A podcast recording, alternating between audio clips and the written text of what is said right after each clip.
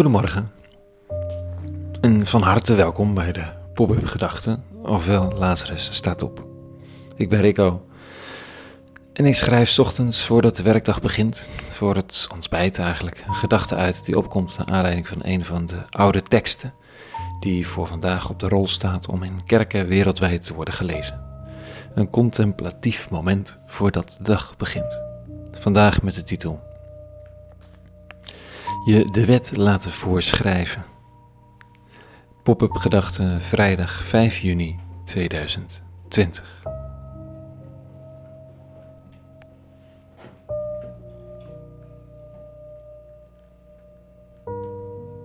Met regels moeten we niet aankomen bij de gemiddelde mens.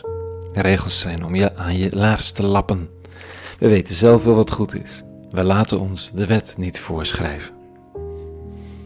Het is interessant dat er rode lichten zijn die adviseren dat je beter niet door kunt lopen bij sommige kruisingen. Maar een harde regel is het voor de gemiddelde Nederlander niet. We nemen het als een advies en kijken zelf wel uit. Laat staan dat we de stoplichten bedanken, versieren, bejubelen. We hebben niet zoveel met regels. Het christendom heeft zijn roots in de Joodse levenswijze. Een christendom is enkel te begrijpen als we leren luisteren naar de Joodse roots. Nog niet gemakkelijk met die lange antisemitische traditie die het christendom ook heeft, tot groot verdriet en frustratie en schaamte van velen. Ook niet gemakkelijk gezien de politieke en militaire drama's van en rond de staat Israël. Gelukkig zijn er dan de oude teksten, die in geest ademen, die los van hedendaagse conflicten ons iets kunnen leren over een manier van leven. Dit staat er vanochtend. Die uw wet beminnen, genieten een heerlijke vreugde, een vrede. En struikelen nooit. Jij weet, ik smacht naar uw heil en onderhoud uw geboden. Ik volbreng uw bevelen. Ja, heel mijn leven ligt open voor u. Een liefdesrelatie onderhouden met de religieuze geboden, kom daar maar eens om in het autonome, eigenwijze, vrijgevochten Westen.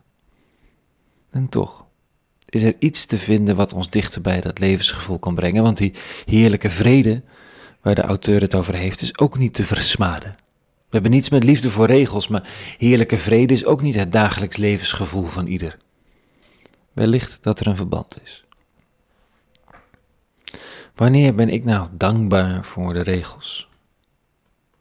Nou, recent nog, als er goede en rechtvaardige coronaregels worden uitgevaardigd en een minister-president ze in begripvolle en heldere woorden aan het volk presenteert, als het duidelijk is dat ik mijn verantwoordelijkheid moet nemen en de ander daar ook duidelijk voor wordt uitgenodigd op een haalbare manier, dan ben ik zielsdankbaar voor goede regels. Zonder die regels was het een absolute ellendig, verdrietige chaos geworden in ons land. En als er op een gevaarlijke oversteekplaats, waar mensen zijn aangereden die me dierbaar zijn, eindelijk verkeerslichten worden geplaatst, dan kan ik me zomaar voorstellen dat ik de neiging heb om zo'n rood oplichtend gevaarte bij de kruising een kleine knuffel te geven.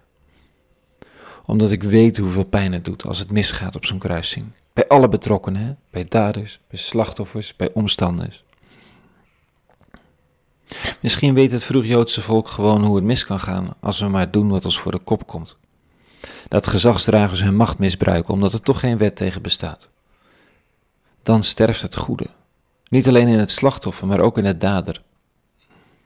Her en der knielden agenten op één knie in de Verenigde Staten. Ze waren opgeroepen om de orde te bewaren en demonstreerden mee in een roep om een orde van een hogere orde. Wat zou het goed zijn als de goddelijke voorschriften van uiterst respect voor het leven door iedereen geliefd zouden worden? In de Verenigde Staten en overal in de wereld. Tijdens een training die ik volgde in Londen ontmoette ik, ik een grote Joodse man. Geweldig vent, grote baard, dikke lach. In zijn broekzak rammelde altijd muntgeld.